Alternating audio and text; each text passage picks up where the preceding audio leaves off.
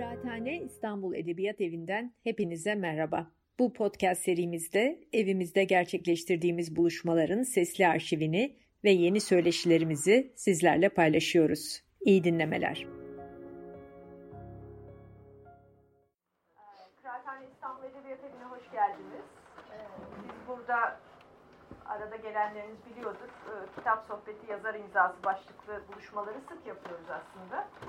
Ama ilk defa hakikaten doğumu bu binada başlamış öyle bir, bir kitap için buluştuk bugün. İnşallah ölümü de burada. Öleceğine inanmıyorum. Kitaplar ölmüyor genellikle. Ee, bir kitap e, bu konuşacağız. E, hem kitabın kendisi e, hakikaten gördüğünüz gibi konuşarak yazılmış bir kitap, öyle söyleyeyim. Bir diyalog. O diyalog bu binada başladı. Ee, bir üst katta başladı hatta. Bizim yazar odası ve e, kitap stüdyosu dediğimiz yerde başladı. Ama fikri de yani kitap stüdyosu fikri de e, Edebiyat Evi ile birlikte başladı. E, biz e, Edebiyat Evi'ni işte tam da böyle buluşmalar için kurduk. Bir araya gelelim, kitapları konuşalım, sanatı konuşalım, politikayı konuşalım. E, rahat rahat konuşalım diye kurduk. E, bunun yanında içinde kucağında küçük e, butik, kar amacı gütmeyen ama iyi kitaplar üreten bir yayın evi olsun da istemiştik başından itibaren.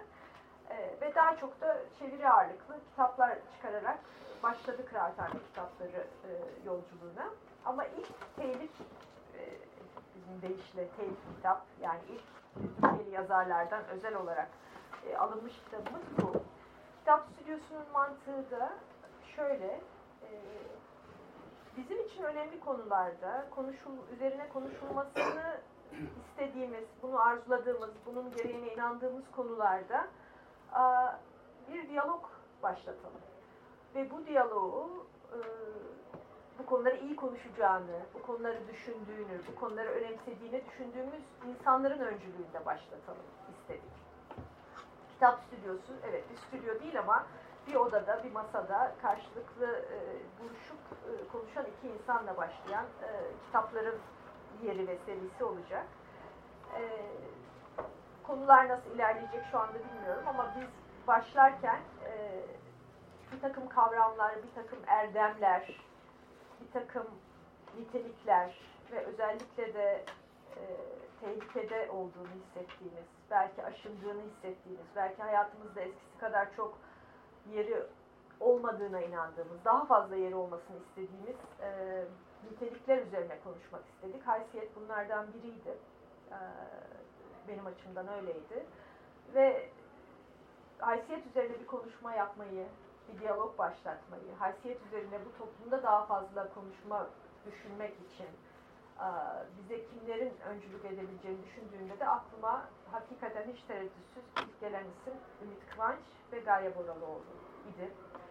Ee, bu diyalogların ileride değişebilir ama ben işte hani var ya böyle işte sağ sol işte muhafazakar, liberal vesaire böyle birbirlerine hiç benzemeyen insanları konuşturmak, çatıştırmak ve hani böyle bir üslup var gazetecilikte de, televizyonculukta da bu var. Kitaplarda üretiliyor böyle dünyada.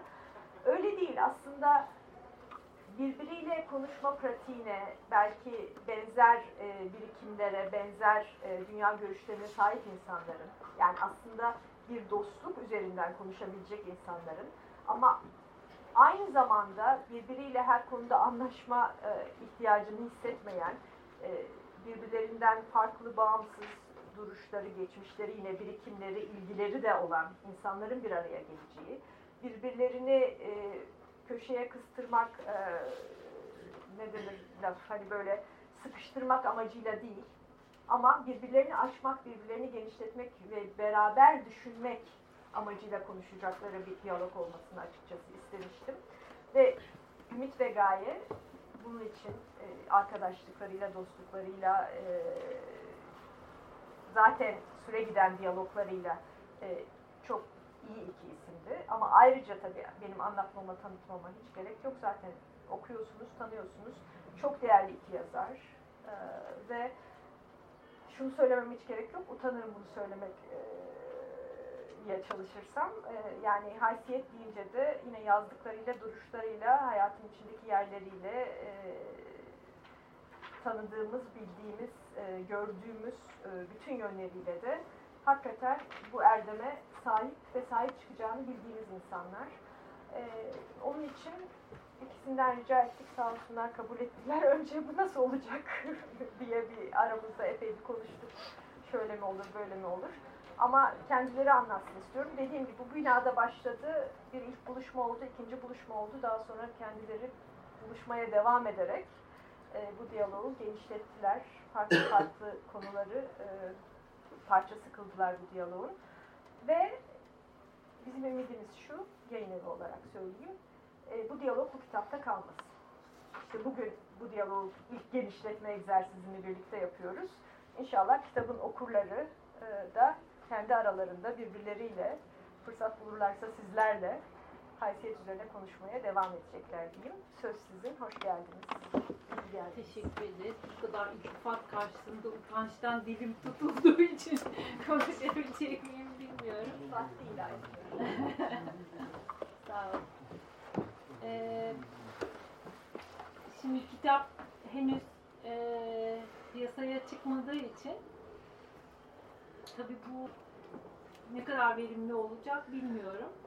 Ama öte yandan kitabın alameti farikası zaten işleyen bir süreci ortaya koyması. Dolayısıyla m, burada hep birlikte biz e, bu süreci nasıl yaşadığımızı, ne hangi yollardan geçtiğimizi birazcık anlatalım.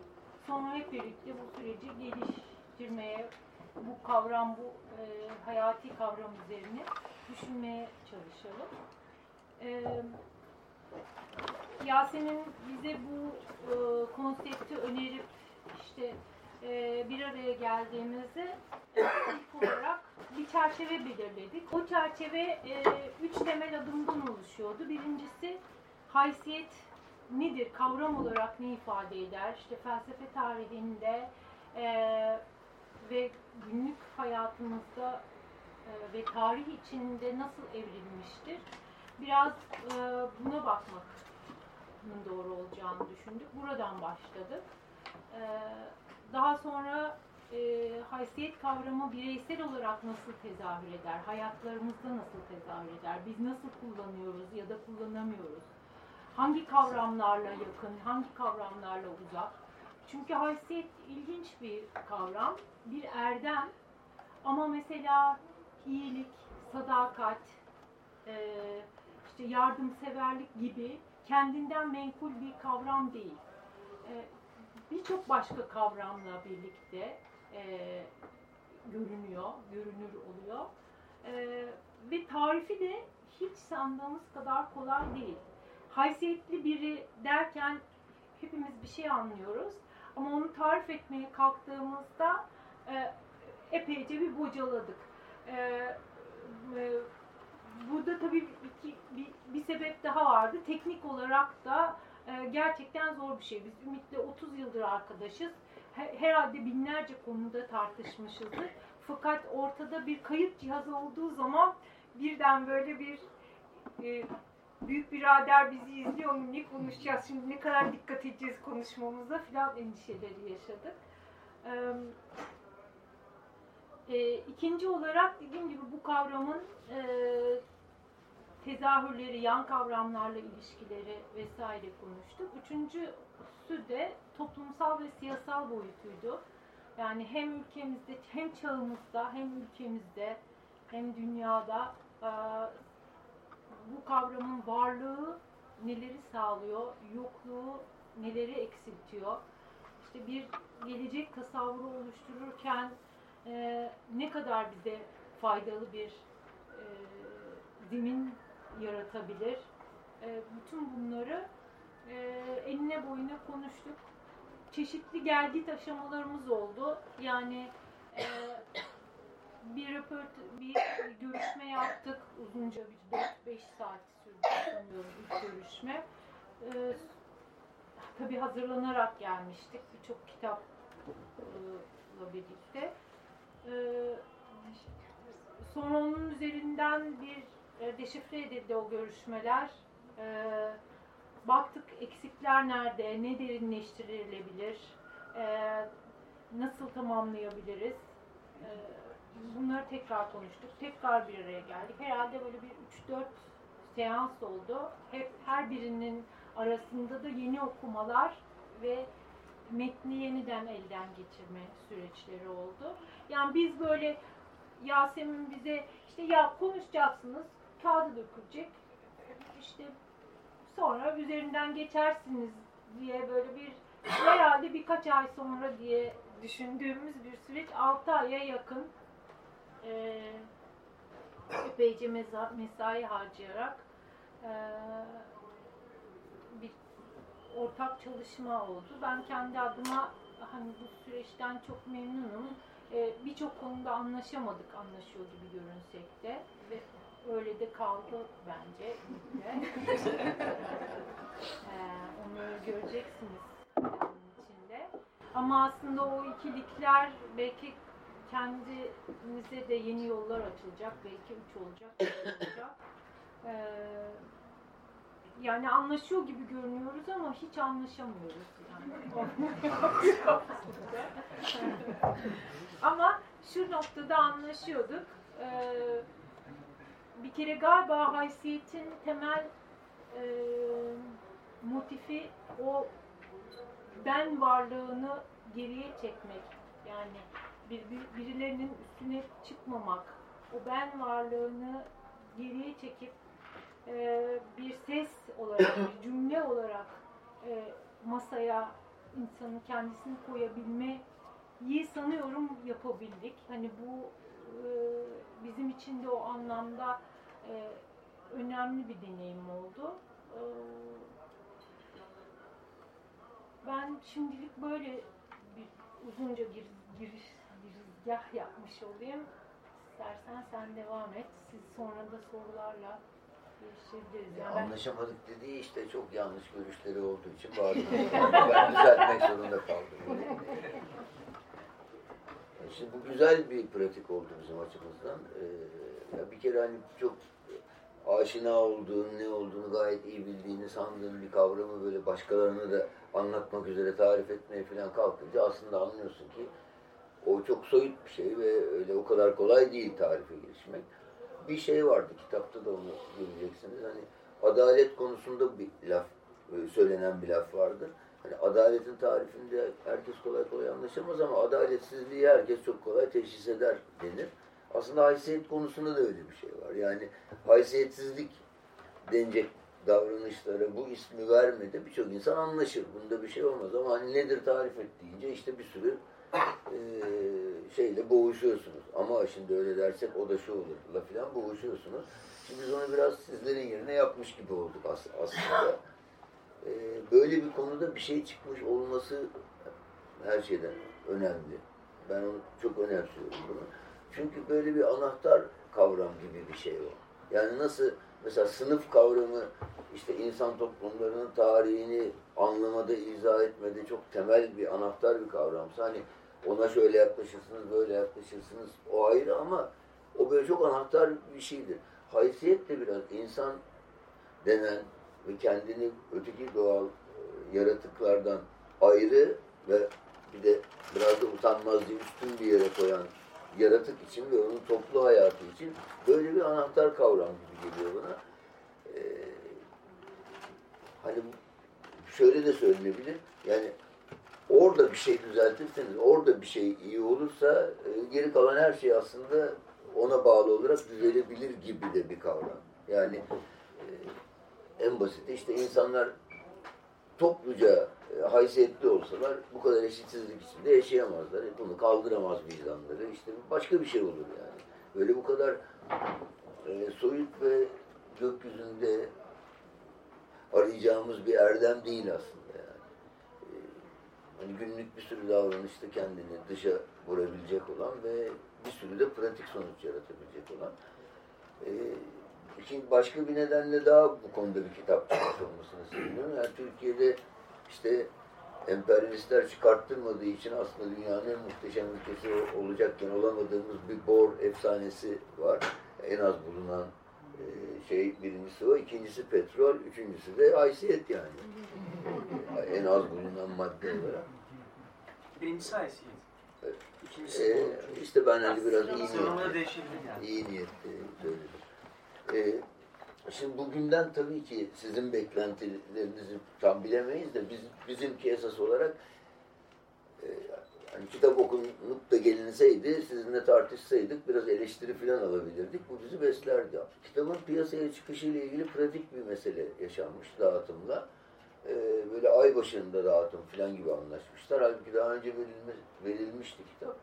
Ee, ama 2 Mayıs dağıtım tarihi diye beklenmiş falan böyle bir onun için yani bugünkü toplantıyı kimsenin kitabı okumuş olma ihtimali olmaksızın e, yapmak durumunda kaldık. Ama yine de şunda ısrarlıyız. Esas olarak burada bir tartışma olmasını istiyoruz. Yani şu ana kadar söylediklerimizi işte giri- giriş kabul edin. Ee, öncelikle sizlerden soru ve görüş almayı isteriz. Ya bir de kitap değil de aslında bence haysiyeti burada konuşsak daha faydalı olur. Hepimiz için daha hayırlı olur belki. Çünkü sonuçta bizim söyleyeceklerimizi e, ne, nedir, nasıl, nereden nereye geldik işte kitap ortada olduğu için hani o e, sizin elinizde bildiğinizde olacak yakın zamanda. Ama belki burada e, be- beraberce yani bu böyle bir kitap yapmanın e, gerçekten çok keyifli ve eğitici bir zihin egzersizi olarak çok e, e, yaratıcı ve faydalı bir yanı var. Fakat e, vicdanen de çok e, acı acı verici bir yanı var. O da şu yani, hi- yani hep eksik bıraktık duygusu oluyor. Yani e, ve her görüşmemizde bir şey daha tamamladığımız için acaba yani en son çıkarken bile bir cümle eklemeye çalışıyorduk. Dolayısıyla bu hani böyle tamamlanmış dediğim gibi tamamlanmış bir e, e, bir yapı değil e, doğası itibariyle. Belki bunun hoşluğu da var ve belki bu nedenle de e, bu tür interaktif e, görüşmelere daha açık bir kitap. E, Ben de bir şey ekleyeyim mi? Ee, şu iyi oldu bence kitapla ilgili. Böyle tamamlanmış, dört başı mamur bir metin olmadı haysiyetle ilgili. Ama çok iyi bir tartışma zemini oldu. Yani bu konuda bir tartışma düzenlemek isteyen alıp bu kitaptan soru çıkarabilir yani çok rahatlıkla. Çünkü bizim de hani tartışıp böyle tam da bir yere varamadığımız yerler falan işte ideal belli ki kim gelse tartışacak onu öyle yerler. O, o anlamda iyi bir tartışma zemini oldu. Ee, hani bugün bu odada bulunanlar için şöyle bir avantaj olabilir. Hani beklentiyi bu şekilde e, tutarsanız bize de daha az kızarsınız sonra. Karşına Haysiyet kelimesi hangi dilden geliyor etimolojik olarak? Hangi dilden geliyor? e, Arap Arapçadan geliyor. Kelime kökeni ne peki? Ya kelimenin kökeni. Hays kökünden geliyor. Evet. Şimdi kitaba başlıyor gibi oldu. Evet. Zaten böyle başlıyor.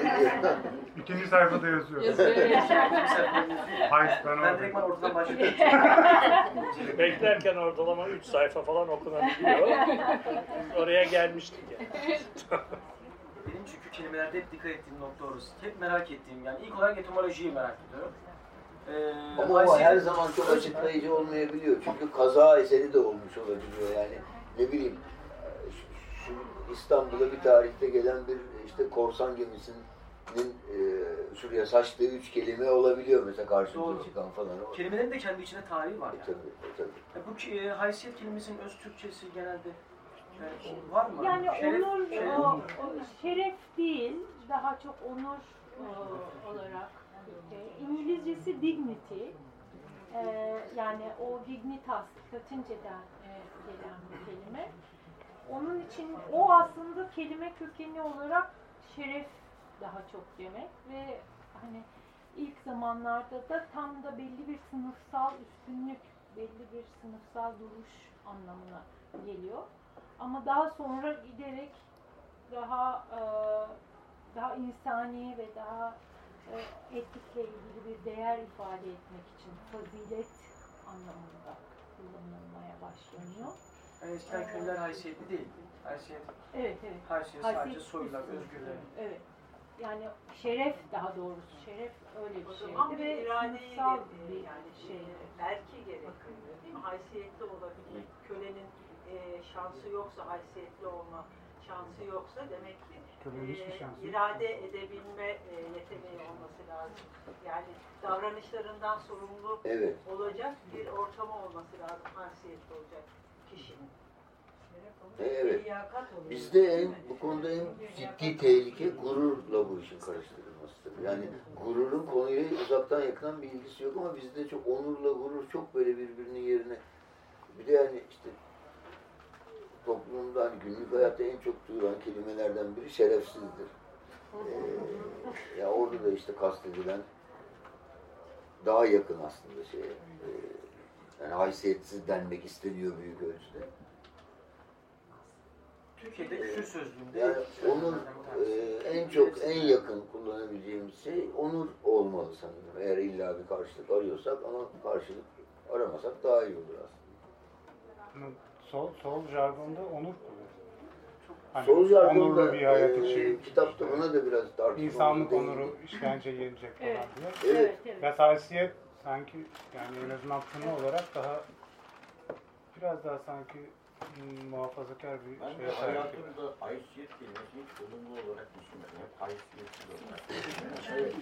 Hep yani haysiyet yani olması gereken Bir de bir izzet-i şey. nefis vardır tabii. Şimdi o artık Ya o- kullanılmayan ama işte bir zamanlar o bu anlamda kullanılır. Senin, senin izzet-i nefsin yok mu filan diye bizim Evet, askerlik yok mu aynı şeydir. İşte ama o, o da bu anlamda kullanılıyor. Yani olması gereken bir insani vasıf gibi. Evet.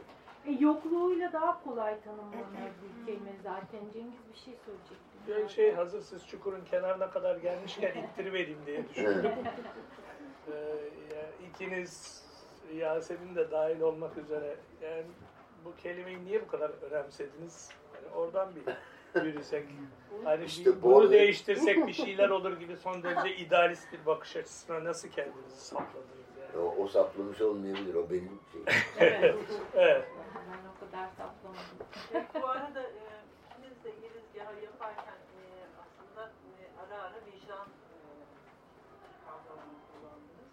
E, haysiyet de herhalde vicdanlı bir şekilde e, bir arada düşünüyorsunuz. E, hani belki oradan bir e, şeyler konuşabiliriz. Evet. Ben düşünüyorum açıkçası. Tahmin ediyorum. E, Ya ya, şu- tek başına pek olacakmış gibi. Yani haysiyetli dediğiniz kişinin herhalde hem irade ede- eder durumda olması lazım. Yani hareketlerinden sonra, davranışlarından sorumlu olması lazım. Ve bir vicdanının olması lazım gibi. Evet şüphesiz. Dolayısıyla üçüncü kişileri gereksiniyor. Yani haysiyetli olmak durumu e, bir üçüncüyü gerektiriyor. Tam işte 5. sayfada bunu tartışmaya başlıyoruz. orada ayıp anlaşmazlığımızı Biraz orada- gayret etsek kitabı yazacağız biz hep beraber. Evet. ayıp anlaşmazlığımız da orada ortaya çıktı zaten. Çünkü ben e, yani haysiyetin bireysel olanla kamusal alan arasındaki bir sınır çizgisi olduğunu ve mutlaka bir başka göze ihtiyaç duyduğunu yani oradan bakılarak yani insanın kendi varlığını başkalarının gözünde tanımlamasıyla başlayan bir süreç olduğunu düşünüyordum. Mitsi daha e, biraz e, insan olmakla, insan olma tarifinin içinde gelen, daha genetik e, kodlarımızla gelen bir şey olduğunu düşünüyordum. Ama Yani gelmesi gereken-. Afser bir şey. Gelmesi gere Ya şöyle e, düşüneceğim. Ya bu haysiyet diye tarif etmeye çalıştığımız ya da vicdan diye tarif etmeye çalıştığımız özellik olmayacaksa e, ayrı bir e, yaratık türüne de ihtiyaç yok hiçbir şekilde ve o fuzuli bir şey yani. E, fazla yani dünyada. Öyle bir şey bilinç bizi ayırıyor öyle bir şey yok. Sonuçta bilinç dediğimiz şeyin yüzde 99'u işte var kalmak için ya da hayatımızı daha e, ne bileyim daha rahat sürdürebilir olmak için filan e, yaptığımız işler. Yani ağacın, böceğin, bilmem kim, herhangi bir hayvanın Yani yaptığından siz çok insan tanımının içine koyuyorsunuz aslında. ben ayırt edici yan ya bu olacak ya da kardeşim sen ayrı bir şey olduğunu iddia etmeyeceksin. O bilinç falan hikaye sen, sen o bilinçle yani akıl işte ben akıl akıl ve birey diye bir kavramları çıkartırken beraber aynı anda ırkçılığı çıkarttın. Yani ben hay benim siyah renkli olanların bilmem ne dedin işte şu olanların yok ettin. Sen öyle hani bununla övünecek falan bir durumun yok yani bir yaratık olarak. Şimdi yeni yeni işte ağaçların birbirleriyle nasıl haberleştiğine dair bir takım veriler elde etmeye başlandı. İşte orman bir ekosistem ve bu ancak şöyle yürüyor falan deyip esas olarak aralarında haberleşmeleri ve etraflarını etkileyebilmeleri üzerine bir şeyler çıkmaya başladı. E hayvanların pek çoğunun böyle yaptığını biliyoruz. 2019 yılındayız ve hala e, insan davranışlarına yön veren temel e, güdüleri işte beslenme, barınma ve üremeye indirgeyebiliriz. Çok rahatlıkla yani. O vaziyetteyiz. Aslında bir adım ileri gidip gitmişlik yok yani bir sürü açıdan. Ee, ama böyle bir kavram yani mecbur olmadığın halde bir şekilde davranmaya seni itecek. Asıl hani bilinçleyeceksek asıl öyle bir şey var ve bana o işte bu e, esas olarak vicdanla e, belki biraz merhamet duygusu o da yani çünkü doğada merhamet diye bir şey olamaz kendi başına bıraktığın zaman. Onunla işte haysiyeti de bunlarla birlikte ben görüyorum ve yani ya insanın ayırt edici yanının böyle bir şeyde olduğu tarif edilecek, kabul edilecek, buna göre bir insanlık kültürü oluşacak ve yaşanacak ya da inşallah e, yok olacak bu meret gibi düşünüyorum. E, yani bu zararlı yaratık kendini ve etrafını da bir şekilde yok olmaya sürükleyen aslında tek e, becerdiği işte kendi yaşama koşullarını yok etmek olan böyle bir aşırı güce sahip, aşırı Zaman, güçlü. Haysiyet dediğiniz şey aslında bir üst bilinci e, getirecek olması e, lazım. Yani insanın haysiyete ulaştığı yerde aslında tamamlanması e, gerekiyor. Ne? Doğayla bütünleşmesini de sağlayacak. Ne? Haysiyetli olduğu zaman insan doğayı da zarar vermeyecek bir konuma konumlayacak kendini. E, o ağaçlar gibi e, bir haberleşme yöntemiyle aslında doğanın içinde gayet düzgün bir şekilde yaşama erkini sağ, kazanmış olacak. E, Şimdi buradaki şey, konumlama hani bence kritik kelime bence o, o yani e, evet insanın zamana karşı kendini e, bir şekilde konumlama konumlama biçimi aslında haysiyet. Bu sebeple de bence e, tartışmaya ve derinlikle bakmaya değer e, yanı var. E, çünkü e, aslında bir yandan da kötülük ve iyilik kavramlarıyla çok yakın. Yani e, kötülük ve iyiliğe bakmadan ki işte ilerleyen tartışmalarımızda ister istemez uzun bir dönüş e, bölümde e, kötülük ve iyilik nedir, hani nasıl hayatlarımız yönleniyor falan onlara baktık. Ama e, yani kötülük çok sıradan ve çok hızlı yayılan bir şey ve kötülük yapmak için çok neden var hayatta. İyilik yapmak için hiçbir neden yok. Hiçbir şey yok. Ve bunu ben bu kitabı çalışırken dehşetle fark ettim. Yani e, başarı için iyilik yapamazsınız yani. Hani başarı, iyiliğe, başarıya giden yolda iyilik yaparak başarıya ulaşılamaz. Ya da size iyilik bir e, sosyal konum vermez. Sa, e, size bir e, kariyer sağlamaz. Yani hiçbir şey sağlamıyor aslında iyilik. E, bu kötülük bunların hepsini sağlayabiliyor. Ve o yüzden de çok hızlı bir şekilde yayılıyor. İşte o orada insanın kendisini koruyabilmesi için e, ve hani aslında bakacak olursanız suyunun devamını hani sağlayabilmesi için bir bir zihin yapısı gerekiyor. O zihin yapısı o haysiyet diye bizim biraz genişlettiğimiz aslında. Hani biraz belki e, kavramı e, tarif ederken bir hayat görüşü haline de getirdik genişleterek ister istemez bu kadar yakından bakınca e, dünya oradan görünmeye başlıyor. E, o açıdan da e, söylediğine e, e, hani cevap ver, vermiş olayım yani neden haysiyete bu kadar önem verdiğiniz ben de onu cevapsız bıraktım. Hani o bir şey değişirse her şey biraz her şey değişir falan hani nereden biliyor. Şimdi e, insanlığın yaşam koşulları iyileştikçe e, aslında e, bireyler olarak iradesi, e, tercih şansı falan artıyor. Yani küçük bir gayretle aslında dünyada yoksulluk falan kalmayabilir. Bütün bu imkanlar bugün var aslında. Üstelik de hani en zenginlerin de çok bir şeyse eksilmeksizin bu yapılabilir. Bu, bu koşullar var. Ee, bu koşulların varlığını da düşünüyoruz. Şimdi evden çıkıyoruz. Arkadaşlarımızla buluşup yemek yemeye gideceğiz ve o yemekte diyelim makul bir yere gidiyoruz ve işte insan başı şu kadar bir para veriyoruz. O para şimdi bilmem kaç ülkedeki ortalama kişi başına aylık gelir falan oluyor. Ee, aslında biz öyle muazzam bir şey yaptığımızı düşünmüyoruz ama böyle bir şey. Şimdi bunu biliyoruz, yaşamaya devam ediyoruz. Zaten yolda gelirken de çöpten bir şeyler toplayan üç kişiye rastlamış oluyoruz. Şimdi şöyle bir şey hayal etmek çok mu idealistçe ve çok mu gerçek dışı? Bütün insanlar ya kardeşim yolda yürürken çöpten bir şeyler toplayan birilerine rastlıyoruz.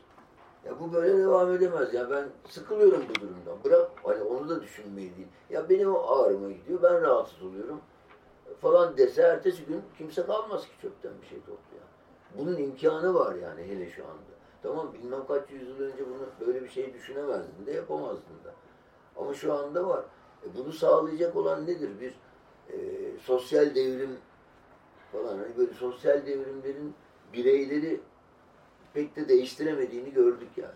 Daha doğrusu en zor meğerse değiştirilecek şey bireylermiş. Mülkiyeti alıyorsun, işte bilmem e, burjuvaziyi mülksüzleştiriyorsun, e, devlet mülkiyetine, fabrikaları bilmem neleri bunları yapabiliyorsun 3-5 gün içinde. E, azılı, muha silahlı muhaliflerini öldürebiliyorsun. Hani böyle çok büyük ve acayip işler gibi gözüken şeyler yapılabiliyor. Silah üretebiliyorsun, işte rekabet edebiliyorsun ama bireyler öyle kolay kolay değişmiyor. Bir yan, pardon, bir yandan da şunu görüyoruz. Bir moda çıkıyor, bir şey oluyor, bir eğilim çıkıyor ve kimse onu özel olarak körüklemeden bir anda bütün dünyaya yayıldığını görüyorsun. Yani o insanlardaki bir şeye hitap ettiği anda yayılabiliyor ve birbirine benzemeyen yerlerde de yayılabiliyor. E, şimdi bir örnek bir şey söyleyeyim. Biz 12 Eylül öncesinin solcuları olarak hayatımızda en çok kullanılan kelimelerden biri tavırdı. Mesela tavır almak, bilmem ne konusundaki tavrımız falan. Aradan 12 Eylül oldu. Dünya 80'ler değişimine girdi ve duruş diye bir kelime çıktı. Şimdi duruş.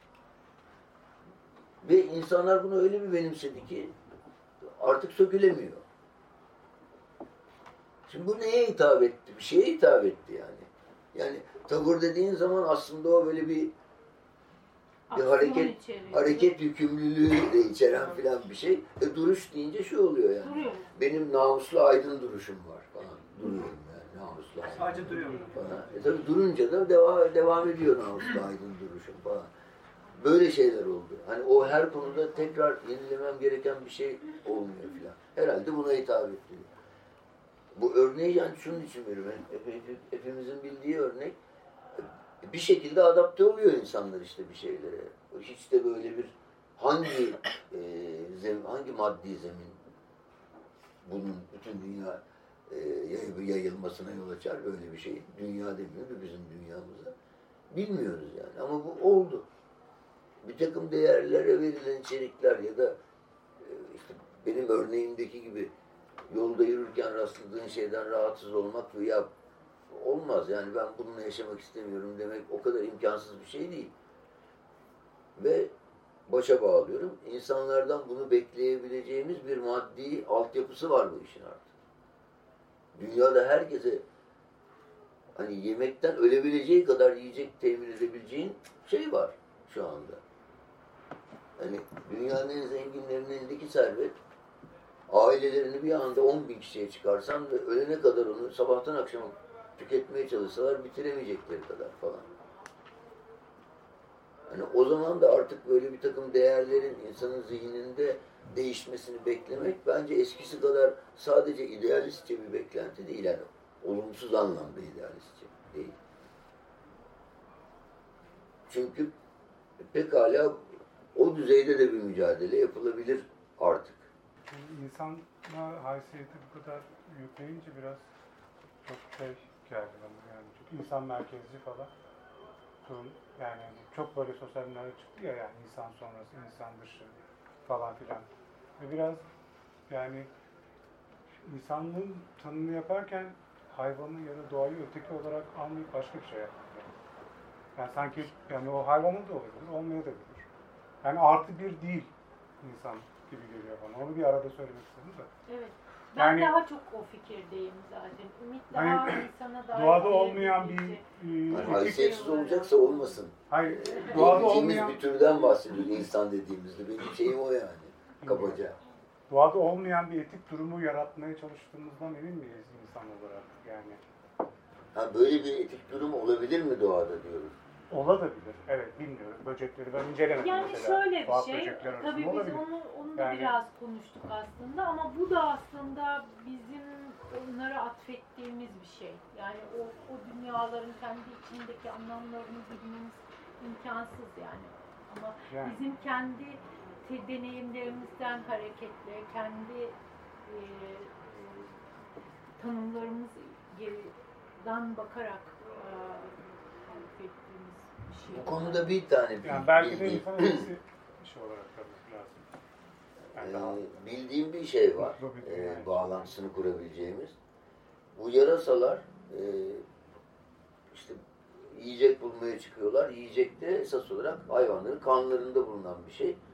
E, hepsi bulamıyor yuvaya döndüklerinde. Bir kısmı bulamamış oluyor. Bulanlar da bulduklarını yutmuyorlar.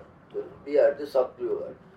Ve geldiklerinde payla, bulamayanlarla paylaşıyorlar. Fakat hepsi aynı derecede paylaşmacı değil. Yani bazıları yiyor ve başkalarıyla paylaşmıyor. Ötekiler de onlar aç kaldığı zaman onlara vermiyorlar. Şimdi böyle bir şey var yarasalarla ilgili. Şimdi bunun tabii bu bir yandan da hiç böyle bir değerle ilgisi olmayan çok rasyonel de bir şey. Yani rasyonel demek de hatta hatta yanıltıcı, pratik bir şey yani. Tabii ki o işin devam edebilmesi için böyle davranmalarının bir şeyi var. Ee, hiç manevi yanı olmayabilecek bir e, şey de bu bir yandan. Ama bir yandan da böyle insanın öyle hoşuna giden bir bu paralellik bağlantı kurmak da hoşuna giden bir yönü de var. Ee, yani belki böyle şeyler çoktur ve bizim bilmediğimiz bir takım manevi diyebileceğimiz sebepleri de vardır ama henüz böyle bir şey bilmiyoruz ve yani araştırma derinleştikçe de karşımıza bu yönde bir şeyler çıkmıyor doğayla ilgili olarak. Yani şöyle söyleyeyim bu konuyla ilgili. Yani haysiyet bence hani doğadan farklı olarak ya da bilmem ne toplumlarından farklı olarak edinilmesi gereken bir şey değil de zaten zemin yani. O yüzden belki negatif bir şey olarak konuşabiliyoruz. Ben mesela ben şimdi çok haysiyetli davrandım dememe gerek yok. Çok haysiyetli ama yani hani negatif olarak tanımlanıyor ya. Daha çok ama ta Evet, sadece ya da öyle değil. ben şeyi düşünüyorum gerçekten işte Haysiyetli bir adam. haysiyeti incinmiş olanlar hani bir politik hareket başlatabilirler. O söylenen şeyde. Yani mesela Yani- oradaki ilginç olan şey şu. eee, O çok te- çok temel çok temel bir şey. Yani geliştirilmesi gereken bir şey gibi gelmiyor. Bir de dışarıyla evet bağlantısı var. İçeriden Ama niye o sanki- zaman büyük çoğunluğumuz bunun aksine meyilli? Bilmiyorum. İşte ama böyle bir şey var. Yani insan böyle çünkü çıkarla çelişen bir şey. Yani senin çıkarın çıkarın hakim e, doğrultusunda yapman gereken bir sürü hareketi önleyebilecek bir şey çünkü. Çünkü ben aslında seni bir şekilde kandırıp elindeki yiyeceği almaya meyyal bir yaratığım. Aç kalmamak için. Şimdi bunu niye yap niye yapmayacağım? Ya polisten korkabilirim, beni şikayet edersin çaldı diye diye. Ya da içimdeki bir şey beni durduracak. Ya adamın yiyeceği alamam dememe yol açacak bir şey var. Bunun hiçbir sebebi yok ki maddi olarak. Normalde. Peki bu haysiyet 18. yüzyıldaki haysiyetli tavırla 20. yüzyıldaki haysiyetli tavır aynı mı? Yani Hayır. zamana dayanan bir şey mi? haysiyet? yok bir- yani evet aynı değil. Değişiyor yani. Değişiyor. Çünkü Anlamlı, ne, şu, bugün ne haysiyetli tavır ne da mesela değişiyor. Ee, yani o şimdi hani bunun böyle bir formülle ortaya çıkartmak doğru bir şey olmaz herhalde yani. O, o, böyle bir şey değil yani ama sonuçta Nasıl Olumlu zeka gibi bir şey mi yani haysiyet onu anlamıyorum. Yani zeka gibi soyut bir şey. zeka daha somut hatta. Yani Erdem, daha somut. neye Zeka diyoruz erdem? bir şey. Daha erdemle, ahlakla yani o dizginin içinde değerlendirilmesi gereken bir şey bence. Ama mesela şeyle de ta- tartıştık, dinlerle ne kadar ilişkisi olduğunu, hani, e, yani e, dinlerin içinde ne kadar var olduğunu ya da dinsel tanımların içinde ne kadar uyup uymadığını da tartıştık. Ama sonuçta haysiyet bir manevi değer. Yani ölçülebilir bir şey ya da somutla konulabilir, ortaya konulabilir bir şey değil. Ee, senin söylediğin şey yani zamanla ilişkisi de bence çok önemli. Ee, çünkü birçok kere mesela şu bir haysiyetli tavır gibi görünüyor. Politikaya ulaşmadan söyleyeyim tartışma olmadığı için. Ya ben diyorum ki bu lacivert. Tamam mı? Buna lacivert demek ve bunun lacivert olduğunu e, herkese dünya alemi ilan etmek ve o lacivert olduğu için bir e, cümle yazmak haysiyetli bir tavır oluyor. Tamam mı? Ve bunda ısrar etmek haysiyetli bir tavır oluyor. Ama sonra zaman geçiyor. Onun maviliği, lacivertliği artık uçuyor. Tamam mı? Orada geride kalan neredeyse beyaza yakın bir şey oluyor. Sen onun hala lacivert olduğunu hisse, ısrar ediyorsan artık o haysiyetli bir tavır değil. O artık tutuculuk. Yani bunu şeye uyarlayın yani.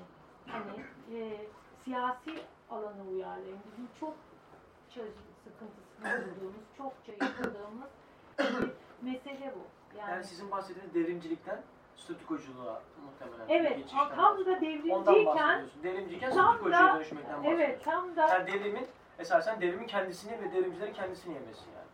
Yani, yani, yani oğlum bağna yani inkarın kendisini inkar etmesi. Yani bağnazlıkla zaman arasında çok hassas bir ilişki var. Yani zamanın e, yani e, o bizim fa- farkında olması lazım.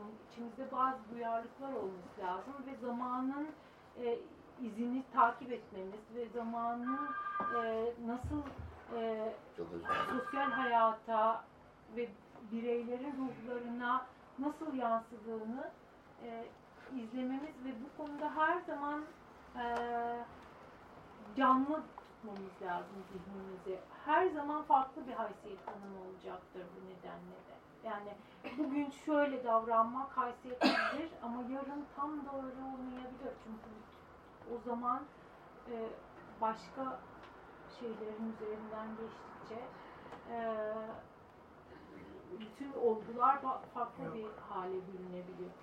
Ümit Bey siz de böyle mi Hayır, düşünüyorsunuz? ben böyle Yani, düşünmüyorum. yani e, o zaman karşı bir görüş olarak hani ifade eder misiniz?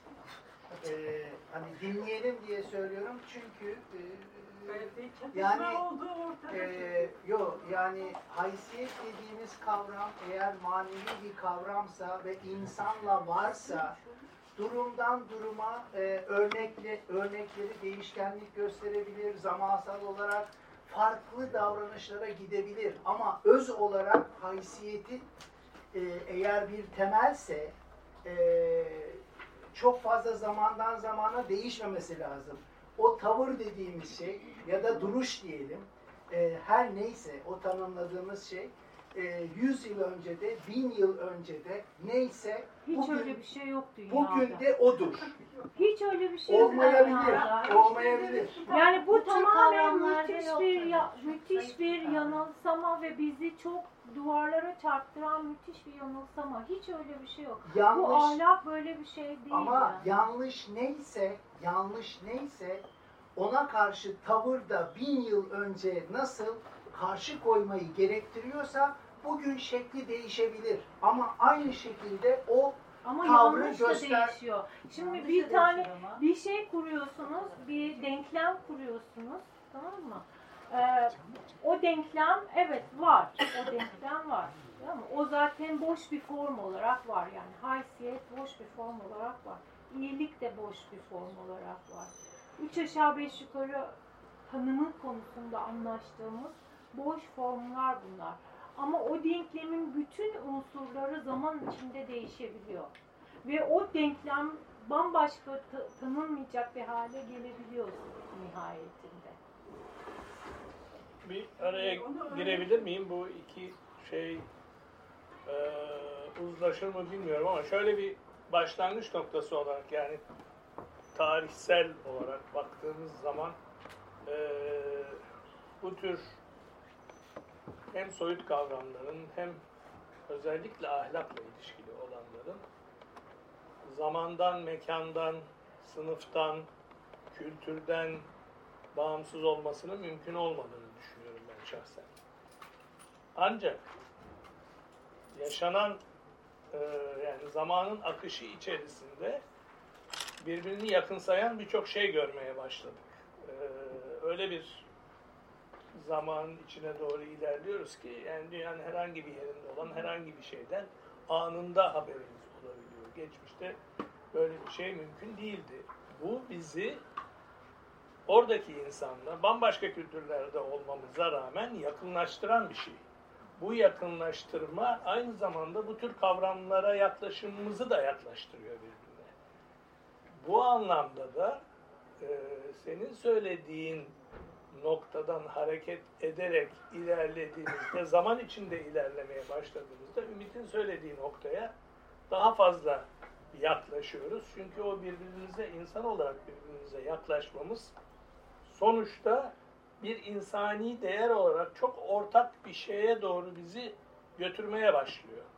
Hala bazı sınıflarla öteki sınıflar arasında bu açıdan çok önemli bir fark olacaktır.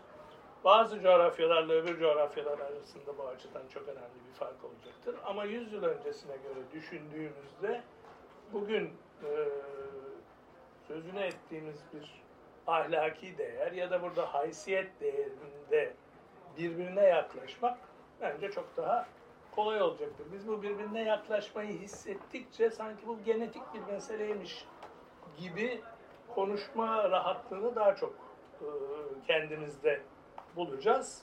Ama her zaman o şey payı var. Ya yani o kadar da Ahmet'le aynı haysiyeti konuşuyoruz diyebilecek bir durumda olmaya hala devam ediyoruz. O et, yani bir de tabii şöyle bir şey var, çok özür dilerim. Bir şey yanlış anlaşılmasın. Ben bugünden yarına bir değişiklikten ya da işte 10 yıllardan ya da siyasi bir şeyden bahsetmiyorum aslında. Çok daha geniş zaman dilimlerinden, anlamların değiştiği, içeriklerin değiştiği, formların değiştiği büyük zaman dilimlerinden bahsediyorum. Mesela eskiden e, belki bir e, erkeğin e, üçüncü, dördüncü eşi olmak haysiyetli, haysiyete e, halel evet. getirmeyen bir durumken Hatta dünyasında evet. bunun haysiyetsizleştirici bir e, durum olması gibi. Sizinki daha çok öyle o şekilde zamana. Ama bir şey değil mi size? Mesela biz böyle düşünüyoruz. Sonra mesela yavaş yavaş şey öğrenmeye başlıyoruz ki aslında bunun çok doğal karşılandığını sandığımız zamanda aslında bu mesele yok değil. Var ama ne yapalım buna mecburuz gibi bir şey var ama öbür tarafta da şey var yani o incecik e, sızı şeklinde de olsa bugün olsa bizim büyük gürültü çıkaracağımız şey usul ama orada var yok değil o yani. Evet. Ben e, bir taraftan e, bunu söylerken şunu da düşünüyorum. O insanın içinde olan bir şey. insanın evrilmesi de dolayısıyla e, bu yöne e, doğru. Yani e, oluşumuzdan beri aynı yerde değiliz. İnsan hakları, bireysel özgürlükler anlamında insan bir yol kat ettiyse aslında sizin içiniz, içinde zaten vardı o sızı dediğiniz şey e, sayesinde muhtemelen oldu. O günden bugüne bu şekilde gelindi. Belki yarına da o şekilde evrilme şansımız var. Ee, inşallah. Bir şey daha ben eklemek isterim. Mesela bu, bu e, böyle bir mevzuyu tartışmak için çok elverişli bir örnek konudur. E, bir de bütün dünyada solun sosyalizmin kaderi konusunda da çok önemli bir konudur. Şimdi bilimsel sosyalizm diye korkunç bir laf var. sosyalizmi de mahvetti, her şeyi de mahvetti. Yani böyle Marx diye bir adam oturdu, laboratuvarda deneyler yaparken sosyalizmi buldu falan gibi saçma sapan bir anlayışla biz hepimiz yoğrulduk yani gençliğimizde. Halbuki bununla alakası yok. Adam sadece vicdanlı bir aydındı ve bu işçiler böyle yaşayamaz, bu böyle olamaz falan diyerek bir, bir şeyleri daldı ve o arada da bir sürü şey buldu, formüle etti. Kimisi o zamana göre çağının çok ilerisinde muhteşem doğru şeylerdi. Kimisi daha yeni formüle edilen bir şey olduğu için haliyle yanlış ve eksikti filan. Ama hareket noktası adamın vicdanının el vermemesiydi gördüğü şeye. Şimdi bugün de e, ya ben benim deminki örneğimdeki evinden çıkıp yolda giderken işte ya niye çöpten insanlarını topluyor diyen adam la bunun hiçbir farkı yok ki aslında. Ha, o adam özel bir adamdı. Aklı başka bizim aklımızın kolay kolay çoğumuzun ermediği bir takım şeylere eriyordu. İnanılmaz sebatkar bir şeydi. E, manyak diyebileceğimiz bir araştırmacıydı. Girdi, daldı, bir şeyler buldu. Oradan o çekirdekten bir şey formüle etti. Ama bunun temelinde yatan şey adamın vicdanlı biri olması ve işçi hakları için bir mücadelenin içinde bulunması ve o, o dünyaya oradan bakmasıdır esas olarak. Bütün bir e, eşitlik mücadeleleri tarihinde sosyal konumu itibariyle orada bulunması hiç de gerekmeyen bir sürü insan vardır. Her zaman vardır yani bunlar. E, o insanların orada bulunması gerekmek bu tarafta olsalar daha normal olacak ve kendi bireysel hayatları da daha iyi geçecek aslında. Ama oradadırlar. Marx'tan başlayarak İşte onu diyorum yani. Vicdan niye? öyle bir şey demek. Şimdi, yani hayır, ama bazı insan, var, var. insan öyle bir şey değil işte. Vicdan, insan, vicdan, ha, vicdan. öyle bir şey. Şimdi Yani ama ben- insan bu yönde gelişiyor mu gelişmiyor mu? O da bir tartışma konusu. Çünkü iki yönde de devam ediyor iş. Şimdi bir yandan da 300 yıl öncesinin zengininin dünyanın öbür tarafından haberi bile yoktu. Veya 500 yıl öncesinin. O, o kendince aslında bir e, ne denir? Bir doğal sembiyozun bir tarafı gibi görüyordu kendisini. Bilmem ne. Başka bir durum. Şimdi şu anda 28 kişi dünyadaki zenginin yarısına sahip. Ve bu adamların hepsi bunu biliyor. Ya da bilmem ne işte e, Wall Street'te bilmem ne bankasının başındaki adamlar aslında çok yoksul bir ülkenin e, paralarını oraya çekip bilmem ne yaptıklarını falan biliyorlar yani. İşte hani demin Cengiz söyledi hani bugün Venezuela'da başkan benim diye çıkan yeni Guido yanında bir takım askerlerle poz verdi. Bir askeri üste harekete geçtiler ve bizim bunu öğrenmemiz üç buçuk dakika falan sürdü yani. Öğrendiğimizde üç dakika mı ne olmuştu? Olay başlayalı. Evet her şeyden haberimiz var. Her şey biliniyor ama bu da şu manaya geliyor. Hani bile bile o yolda giden ve e, işin kötüsü eskiden e, egemenlerin sahip olmayı hayal bile edemeyecekleri güç ve imkanların binlerce katına sahip olan birileri var. Ve onların elinde de hakikaten bütün bir insanlık durumunu değiştirebilecek kadar güç var. Ee, hani ne yönde gittiğimiz konusunda bir tamam biz burada oturuyoruz bunu konuşuyoruz bu da bir yönde gitmektir. Ama karşımızda da öyle bir şey var öbür tarafa doğru. Biraz başka bir e, tartışma alanını açmaya çalışayım. E, ya haysiyetin e, gene bu bütün bu tartışmalar süreci içinde şunu fark ettim ki e, çok kıymetli bir şey. Ve bu kıymet aslında e, biliniyor ve görülüyor. Ve o nedenle de e, bütün saldırılar yani iktidarın e, yok etmek üzere yaptığı saldırılar hep gelip e, haysiyet kırıcı bir yere odaklanıyor. Yani e, bir sürü kere başka birçok şey yaparak elde edebileceği şeyleri başka çok daha basit bir şekilde elde edebileceği şeyleri öyle yapmıyor. Çok gereksiz bir şekilde haysiyet kırıcı bir noktaya odaklanıyor. Yani mesela e, bu şeylerden başlıyor. Cezaevleri ve işkence hikayelerinden başlıyor. Yani işkence etmenin bin bir yolu var bir insana acı vermenin. Tamam mı? Ama e, öyle ince hesaplar yapıyorlar ki tam da haysiyetini kırmaya yönelik bir şey yapıyor. Yani e, yani havalandırmaya çıkartmayabilir, işte e, dövebilir, öldürebilir. Ama mesela hani donla havalandırmada tutmak nasıl bir şey yani? Niye o gerekiyor? Bu çok hani bütün Kürt hareketinin karşılaştığı yani Berkin Elvan hikayesinde de o var. Yani kadının çocuğu öldürmüş. Yani zaten ortalığı yıkıp geçiyor yani. Bunu annesini kitlelere yuva- yuvalatmanın aslında hiçbir somut gerekçesi yok. Yani buna ihtiyacı da yok. Zaten iktidar, zaten bütün güç, zaten bastırmış, zaten çocuk ölmüş, zaten olan olmuş yani. Ama kitlelere yuvalatarak yani o annenin haysiyetini kırmaya çalışarak başka bir iktidar alanı, başka bir güç alanı, başka bir aslında bence korku alanı yaratıyor. Yani. O yüzden de ilginç bir kavram. Yani başka mesela başka şeylerde hani başka tür kavramlarda bu kadar ince ayrıntılara, bu kadar böyle kelimelere dökülmesi zor e, hassasiyetlere pek rastlamıyoruz aslında. Peki toplumsal haysiyet ve kişisel haysiyet diye haysiyet ayırabilir miyiz? Ya da toplumsal haysiyet var mıdır? Varsa nasıldır? Yani toplumca sahip olunan bir haysiyet. Ya o nasıl? Valla gördüğümüz kadarıyla yok galiba. Ya bir de haysiyet subjektif bir kavram değil mi? Ama o bir yani objektif bir şey değil. Dışarıda görmüyoruz. Niye? Ha işte ba- e, baştan şöyle bir şey konuştuk. Haysiyet nedir deyince bir sürü şey konuşuyoruz. Ama mesela şu haysiyetsizlik desek hepimiz anlaşırız büyük ihtimalle. Ama bana göre. E sana göre ama işte herkes anlaşıyorsa da orada da bir şey var yani.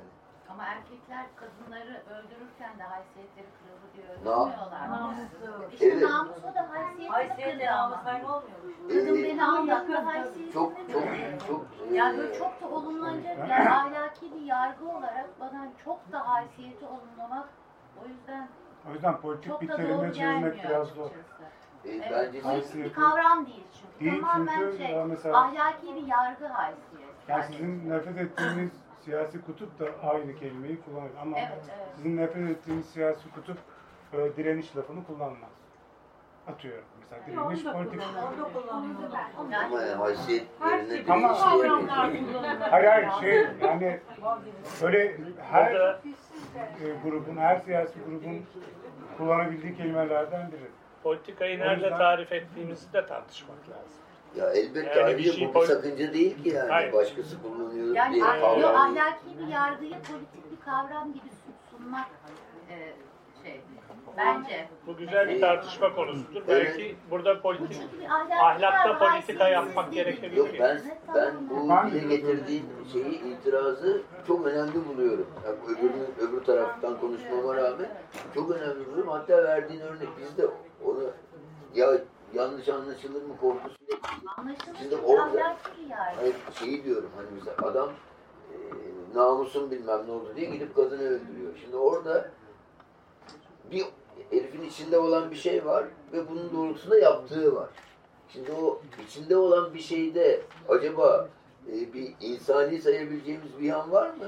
Bütün olay bir tahakküm yani o benim irademe aykırı davrandı, beni çiğnedi.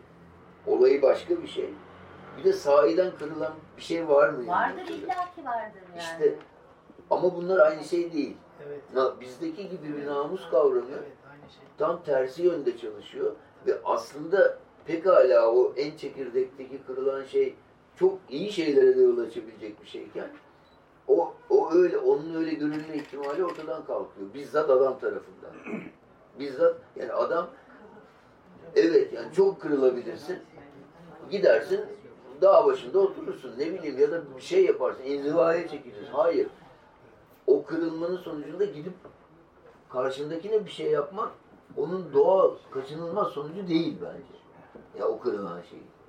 Bö- Böyle düşünüyorum. Değil tabii. Çünkü kimin başına geldiğiyle çok ilgili bir şey o. Nasıl? O kimin başına geldiğiyle çok ilgili bir şey çünkü. Ali'nin tercihi çekip vurmakken yani Veli'ninki e, arkasını dönüp gitmek olabilir. Yani Cemal'inki başka bir şey olabilir gibi. Evet. Sonuçta böyle tekrar mesela biz de bu süreçleri yaşadık. Yani bunları tartışıp tartışıp sonra tekrar haysiyet nedir sorusuna döndük ister istemez. Ben zaten şöyle tanımlıyorum yani haysiyet bir ah- kendi başına bir ahlaki değer de değil aslında. Olmaması Ee, gerekiyor. bence bireysel olanla bireysel varlığın kendine vakfettiği ya- da vehmettiği değerle kamusal alan arasındaki sınır. Yani tanımı böyle ele aldığın zaman bunu zaten bir sürü yerde başka türlü e, yorumlamak durumundasın. Çünkü hani e, yani iyilik gibi, kötülük gibi, sadakat gibi bir ahlaki değer değil ya da bu, o işte ne bileyim e, direnmek gibi işte e, e, onur gibi işte ne bileyim e, ileri gitmek gibi yani böyle bir e, siyasi değer de değil. Yani ilginç olan bence o kavramın birçok hem değerlerin hem bilgi epistemolojik e, adaların kesişim noktasında olması. O yüzden de tartışmaya hani çok açık ve bitmiyor bir türlü ve o yüzden hani bir tek kavramın etrafında hani bir kitap yapılabiliyor ve gene de bitmiyor. Hani bütün bunlar e, var yani. Hani hiçbiri yanlış da değil aslında. Biraz etiği konuşsan ki bu ahlak felsefesini konuşsun. E daha çok tabii Ona, bence de. dolaşmak lazım, onun üzerine Daha çok lazım. da daha çok evet ben de öyle düşünüyorum. Daha etiğin alanı olduğunu düşünüyorum. Ben de bir izah Ama tabii ister istemez böyle bir siyasi, toplumsal hatta dini e, şeylerin içinde de görülüyor. O, oralarda da bakmak gerekiyor. Ya da kadın mücadelesi, işte LGBTİ hareketleri gibi e, marjinal ya da alternatif hareketlerin içinde de başka bir anlam taşıyor. Yani ta- bir işte onun için diyorum bu bir form yani bir değer, bir yargı, bir e, kendi başına tutunulacak bir şey bence değil yani orada tam olarak onunla belki aynı şeyleri düşünmüyoruz ama benim fikrimce böyle bir form yani onu her seferinde ve her dönemde ve her e, durumda yeniden anlamlandırmak gerekiyor. O yüzden de belli dayanakların olması lazım. Örneğin bir ahlaki duruşun olması lazım. Örneğin bir siyasi duruşun olması lazım. Yoksa hiçbir anlam ifade etmez haysiyet. Tanımlayamazsın yani. Yani çok mainstream bir kavram bence ve erkek bir kavram. Ben açıkçası öyle düşünüyorum. Haysiyet. Erkek kavram. Ve Bana çok erkek ve çok mainstream geliyor. Yani Yani sen biraz daha daraltarak herhalde daha ahlaki bir şey ifade Ve çok ediyorsun. ahlaki. Bugüne kadarki kullanılışından hareketle evet. Bence diye anlıyorum söylediğinizi ben ama konuşmamış bir arkadaşımız oradan. Şey, e, aslında iki sorum var ama öncesinde son konuştuğumuzla ilgili iki satır bir şey söylemek istiyorum. E, Dört satır söyle. E, haysiyet kavramını bence Türkiye'de ve dünyada kavramları birilerinin tekeline terk ettiğimiz için aslında onları e, haysiyetsiz bırakıyoruz. Bence yani e, mesela bir arkadaşım zeytin dalı operasyonu olduğunda zeytin dalından soğudum demişti. Benim çok gücüme gitmişti. Çünkü neden e, bu ismi seçebilecek nitelikte bir e, işte e, muktediri o anlamı veya kavramı e, tek eline terk ediyoruz. Yani e, haysiyetin e, belki de ortak müşterek bir anlama e, ulaşabilmesi için birilerinin tek elinden işte muhafazakarlar kullanıyor, solcular kullanıyor gibi e, böyle bir şeyden e, iade itibara belki böyle tartışmalarla e, kazandığımızda bence e, ha, haysiyet de haysiyetini geri kazanmış olur diye düşündüm. Bir de iki sorum var. E, belki düşünsel bir sondaj olur diye. Haysiyet ve haf, hafıza işte e, nitelikli e, hafıza ve unutuş arasında bir ilişki üzerine e, bir şeyler söyleyebilir misiniz? Gerçi çok anlık oluyor. Belki e, konuşmanın devamında da olabilir. Toplumsal hafıza mı? Toplumsal bilinç hafıza. Bireysel, toplumsal, yani unutuş ve hafızanın e, haysiyetle ilişkisi. İkinci sorumda e, haysiyetli hissetmeye ya da haysiyetli olmak için yapa geldiğimiz alternatifler, işte sunulan alternatifler var modern dünyanın içinde. Çoğu aktivizmle ilişkili geliyor. E, bize sunulan ya da işte sancısını çekerken e, bulabildiğimiz alternatifler. Bunların çoğu zaman e, böyle bir basınç vanası e, etkisi yarattığını e, gözlemliyorum nacizane ve bu beni çok e, sıkışmış hissettiriyor çünkü e, yani e, işte bir yere gidip toplanıyoruz bir şeyler e, yaptığımızı hissediyoruz ve daha biraz daha haysiyetli hissediyoruz ama bunun ötesine bir sıçrayışa dair e, çaresiz hissediyorum ve bölüşmek istedim. Niye ben buyuruyorum? Ya bu hafıza unutuşlu haysiyet gibi bir şey tabii çok bir sürü yönden ele alınması gereken bir şey. Biz de onu böyle bir şey, e, bunu düşünmüş de- değiliz uzun boylu. E, Şimdi onun için hakkınca bu konuda konuşabilir miyiz? Hep beraber belki konuşursak olur da hani çok kayda değer bir şey söyleyebilir miyiz bilmiyorum ama hani şöyle bir şey söylenebilir herhalde.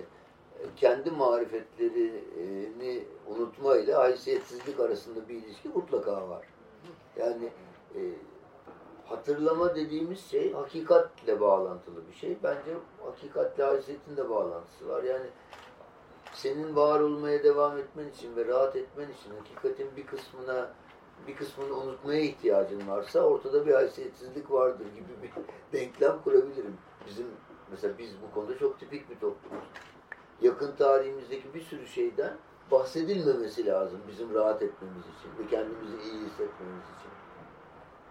E, işte bu mesela bir e, belki ben bu ülkede doğup büyüdüğüm için bilmiyorum. Yani bu haysiyet kavramına çok daha fazla bağlanmış biri olabilirim veya bel bağlamış olabilirim. Çünkü e, bir sürü şeyin kaynağına baktığım zaman haysiyetsizlik gördüğümden bana o böyle başlı başına bir sebep gibi görünüyordu olabilir.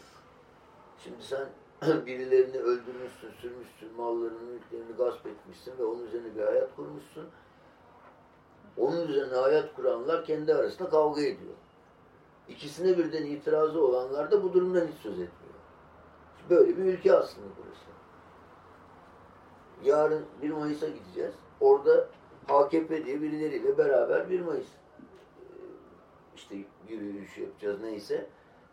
Bu insanlar 9 senedir her 24 Nisan'da e, 1915 anmasının karşısına gelip emperyalist yalanı bilmem ne diye sloganlar atıp bağıran çağıran insanlar. Halkın Kurtuluş Partisi Evet. Partisi'nden bahsediyoruz. Evet. Şimdi onlarla biz gideceğiz. Yarın 1 Mayıs alanında onlar da olacaklar falan. Şimdi bu artık bu ülkenin daha radikal insanları ve en radikali bu.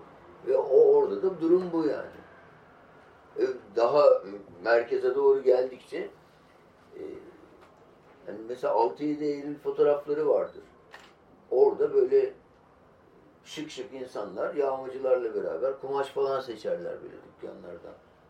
O, o yağmacılar işte mesela diyelim AKP'nin kamyonuna getirdiği insanlarsa öbürleri de kim artık? Onun adını da siz koyun. Yani şimdi böyle bir yerde yaşıyoruz. Hadi o o zaman da kaldı. Cumhuriyet tarihine geldik. Bilmem sen bayağı insanları soymuşsun yani.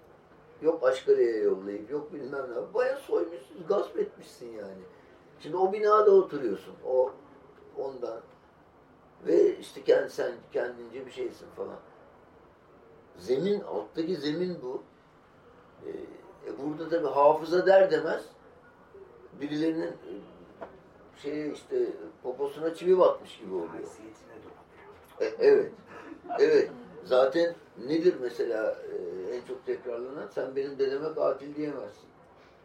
İyi de katil. Bana kimse milliyetçiler adam öldürdü diyemez. Evet o, o hani daha süfli, günlük pratik bir şey. Öbürü bayağı bir kültürün özü haline gelmiş.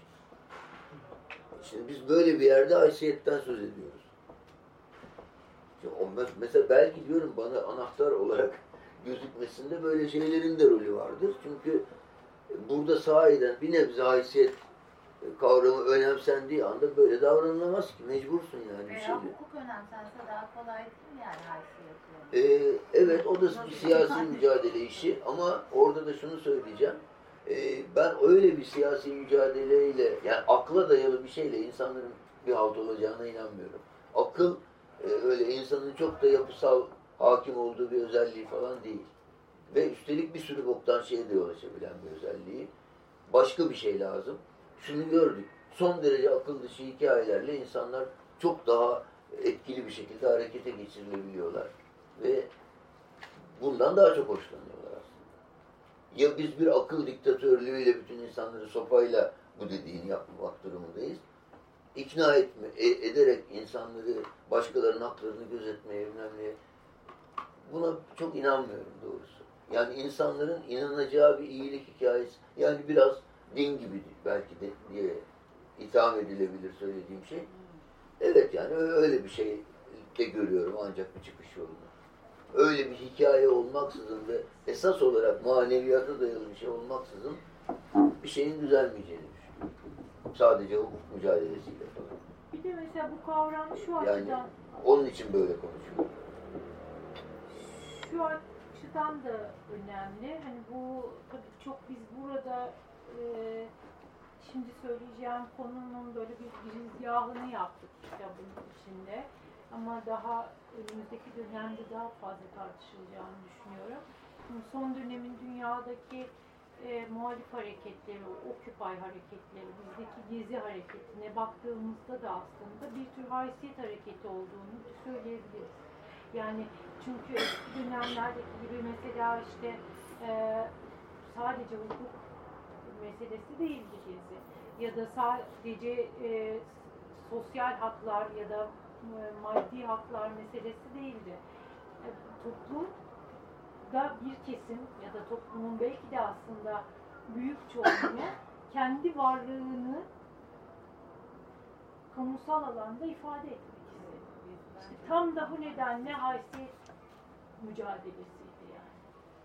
O yüzden de ve mesela, ve mesela bu şey çok ilginç yani e, evet küçük görünmekten yani devamlı haysiyetimize yönelik e, taarruzlardan e, bıkmıştı insanlar ve bir biz varız dediler aslında. Ve hani çok da yanında kim var onu sorgulamadan sadece bu o hays haysiyet odağında aslında buluşlar ve diğer bütün Occupy hareketlerinde de benzer bir şey var. Ve yani şimdi böyle yani geleceğe doğru baktığım zaman ben hani umut verici e, alternatif iktidar karşıtı alan nerede yeşeriyor diye gördüğümü baktığımda bir tek bu alanı görebiliyorum. Yani bu Occupy hareketleri. Çünkü mesela bir dönem milliyetçilik de mesela bir dönem uluslar daha doğrusu ulus uluslaşmaydı. Değil mi? Yani kendi kaderlerini tayin hakkı üzerinden gelişen bir e, alternatif hareket vardı. Ama şimdi o tam da tersi ayağına dolanıyor insanların. Yani e, ulusçu, etnik bazı e, e, şeyler karşılık bulmuyor aslında. Kürt hareketi için bile böyle olduğunu düşünüyorum. Yani etnik alanla sınırlı kaldıkça daralıyor hareket. E, Ama e, hani tırnak içinde kullanıyorum ama daha fazilet ve daha değerler üzerinden e, daha insani meseleler, daha haysiyetli duruş, durum, hal üzerinden konuşulmaya başlandıkça daha genişliyor. Yani hani küçük bir topluluk olduğumuz için bunları rahatlıkla söyleyebilirim diye düşünüyorum ama hani e, Selahattin Demirtaş Kürt hareketini başka bir yere taşıdı. O başka bir yere taşırken ki e, dili tam da böyle bir dildi aslında bakacak olursanız. Yani haysiyetin dili. Yani e, Kürt topluluğunun ya da kendini orada ona yakın tanımlamak isteyen topluluk biz varız, biz buyuz, biz, bizi görün. Bunun üzerinden şekillen, hala da bunun üzerinden şekillendiriyor aslında politikasını. Dolayısıyla bu dilin, bu tartıştığımız kavramın bu anlamda geleceğe doğru uzanacak e, siyasi ve insani e, e, fikirlerin, e, ideolojilerin de temeline sızacağını düşünüyorum. O yüzden de ayrıca önemsiyorum. Yani siz ulus devletin haysiyet kırdığını ve kırmaya devam ettiğini söylüyorsunuz. Hayır hayır böyle yani bu, bu, bu böyle bir şey söylemedim. Hayır. Yani şunu demek istedim orada. Hani bir zamanlar siyasi mücadeleler, siyasi müca- mücadelelerin çeşitli evrim evrimleştikleri ve odaklarını aldıkları meseleler var. Bir dönem işte kapitalizmin ilk gelişme aşamalarında işçi sınıfı hareketiydi. İşte bir dönem daha ulus yani işte İrlanda'yı düşünün, e, Bask bölgesini düşünün. Daha e, ulusal temelli hareketlerdi yani. E, evet yani daha e, ama şimdi bütün bu işte sınırların yani Avrupa Birliği ideali bence e, çok önemli bir dönüşüm sağladı aslında fikri hayat, insanlık tarihinin fikri hayatında ve tabii peşi sıra gelen e, bütün bu iletişim araçlarıyla ortaklaşmanın getirdiği imkanlar da aslında ulus uluslaşmanın yani ulus kavramının çok da o kadar önemli olmadığını bize gösterdi. Yani değil mi? Yani hani or- orada ba- bakıyoruz, sınırlıyoruz aslında kendimizi. Yani e, işte bilmem dünyanın bilmem neresindeki insanlarla aynı ruh hallerindeyse işte bir tuşa basarak onlarla konuşabiliyorsak, farklı dillerde olsak bile konuşabiliyorsak ya da aynı şeyleri izliyorsak, aynı şeylere gülebiliyorsak, aynı anda aynı şeylerden haberdar olabiliyorsak artık uluslaşmanın çok da bir anlamı kalmıyor. Yani buradan şeye gelmek istiyorum. Yani bütün bu şeylerin, bütün bu mücadele yöntemlerinin, mücadele dillerinin tükendiği bir noktada doğdu Occupy hareketleri ve gezi hareketleri. İşte ona baktığım zaman ben orada böyle bir e, manevi alan, böyle bir haysiyet alanı görüyorum. Aynı zamanda bu şundan da benim için kıymetli. Dini olmayan bir alan. Çünkü bütün bu manevi değerleri dinle yaratmak hep çok kolay oldu. Hep yakın zamana kadar hep bu bir e, enstrüman olarak kullanıldı dünya e, iktidarları ve muhalifleri tarafından da aslında bakacak olursanız. Orada da kesinlikle anlaşmadığımız noktalar var kitabın içinde. Ee, ama ben dinin e, vicdanından azade bir e, yer olduğunu ve yani haysiyetin de dinle değil, vicdanla anlatılması gereken, vicdandan kalmanması gereken bir kavram olduğunu düşünüyorum. O yüzden de ayrıca önemli geliyor bana e, geleceğe doğru bir alternatif e, fikir üretim e, sürecinde. Hukuk ve e, yasaları uyguladığı zaman bir şey olmadığını düşünüyorum. Efendim? Hukuk ve yasaları. Hukuk ve yasaları sorunuzun devamını anlayamadım. Elinize Yani ağzınızı kapatın. biraz önce hani Sorunuzu bahsettiniz ya dediniz ki yasaları ya da hukuk uygu- uygulama olayını caydırıcı olmadığını Ay canım böyle bir şey söyleyebilir miyim? Tabii ki.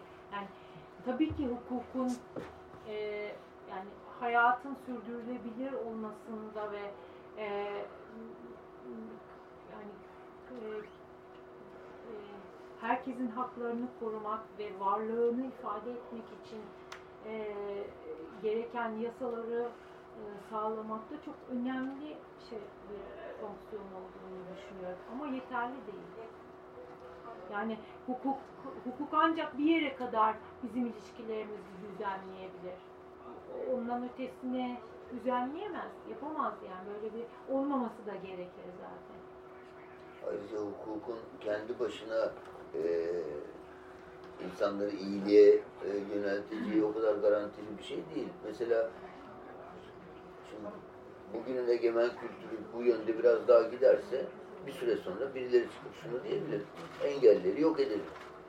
Ya da belli bir yaşın üstündeki insanları yok edelim. Bunlar hiçbir işimize yaramıyor. Bize sadece yük.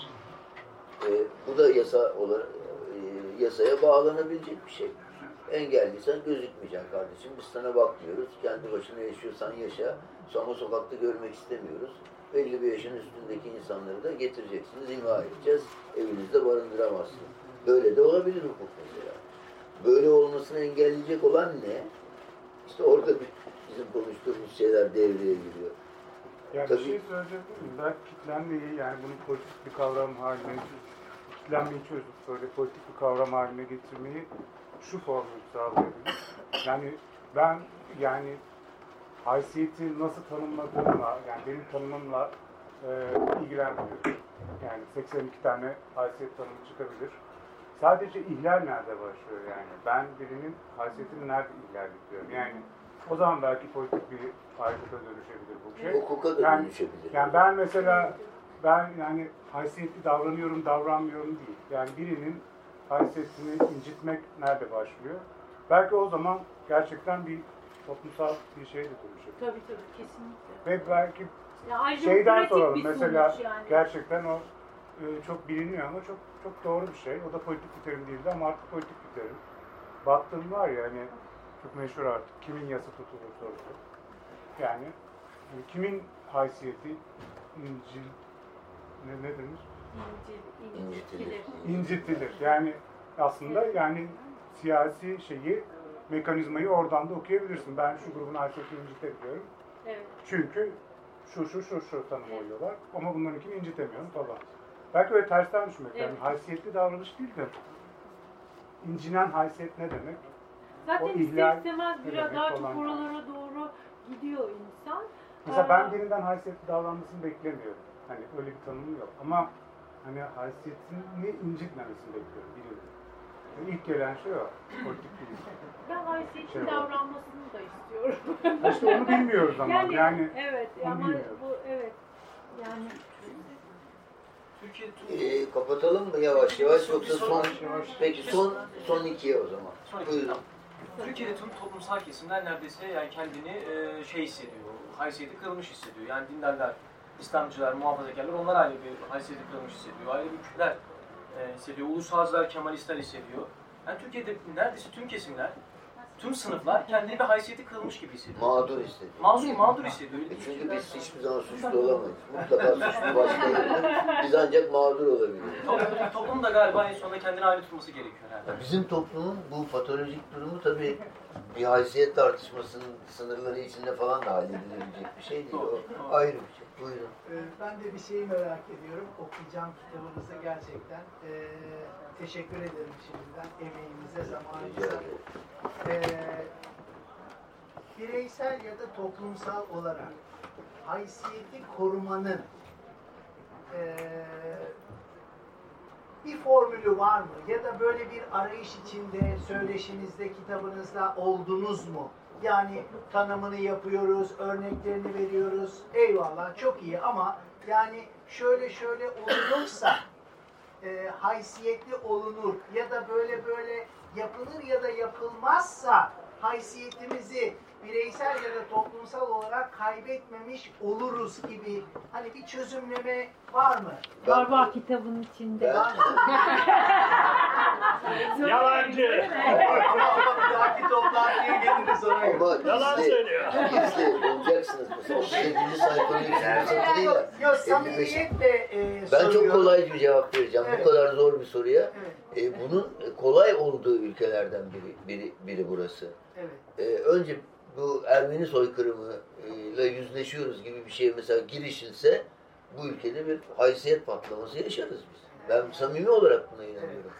Ve bizim böyle elimizi kolumuzu bağlayan o geçmiş suçların aslında bizi olduğumuzdan çok daha kötü insanlarmışız gibi davranmaya sevk ettiğini düşünüyorum. Çünkü ben e, fotoğrafçılık yaptım, gazetecilik yaptım, belgesel film yapıyorum. Türkiye'de görece çok dolaşan insanlardan biriyim. Size şunu söyleyebilirim. Ben kötü bir davranışla karşılaşmadım Anadolu'da. Yani insanların günlük hayat içindeki davranışları yüzde 98 iyidir.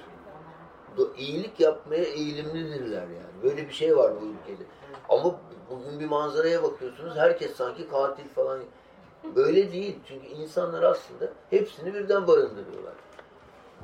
Bir zemin üzerinde ve bir yerden nereden rüzgar esiyorsa, tehlike nereden geliyorsa daha çok ve bizde esas olarak da devlete bakarak davranıyorlar. Hani bunlar çok mesela ne bileyim bu iktidar ilk yıllarında muazzam bir potansiyele ve şeye şansa sahipti. İsteseydi gerçekten çok şey değiştirebilirdi. Bu, bu güç elinde vardı. Hani onun kendi niteliği böyleydi demiyorum. Ama bu güç elinde vardı. Ama şöyle düşünelim. Mesela bugün değiştirse iyi olacağını düşündüğümüz şeylerin önemli bir bölümüne onun karşıtları da karşıydı ama. Onlar değişsin istemiyordu falan. Bu handikaplarımızı aşmanın dediğim gibi çok pratik bir yolu var. Oradan işte mevzuda, oradan başlandığında gerisi çorap söküğü gibi gelecek diye düşünüyorum. Bir şey soracağım. Gerçekten çok doğru söylüyorsunuz. Özür dilerim bunu söyleyerek. Gerçekten sizin dediğinize ben inanıyorum. Çünkü Avrupalıların bile gerçekten bu konuda ilk başladığını fikirlerini değiştirmişlerdi. Gerçekten çok farklı bakıyorlardı. Ama bugün gerçekten çok korkunç derecede bakıyorlar. Ama o ilk başladığı zaman evet onu yapsaydı, devam etseydi çok şey değişebilirdi bu gerçekten. O evet, o siyasi bir konu. Onu Evet. orada bırakalım. Ee, kapatıyoruz. o Teşekkür ederim.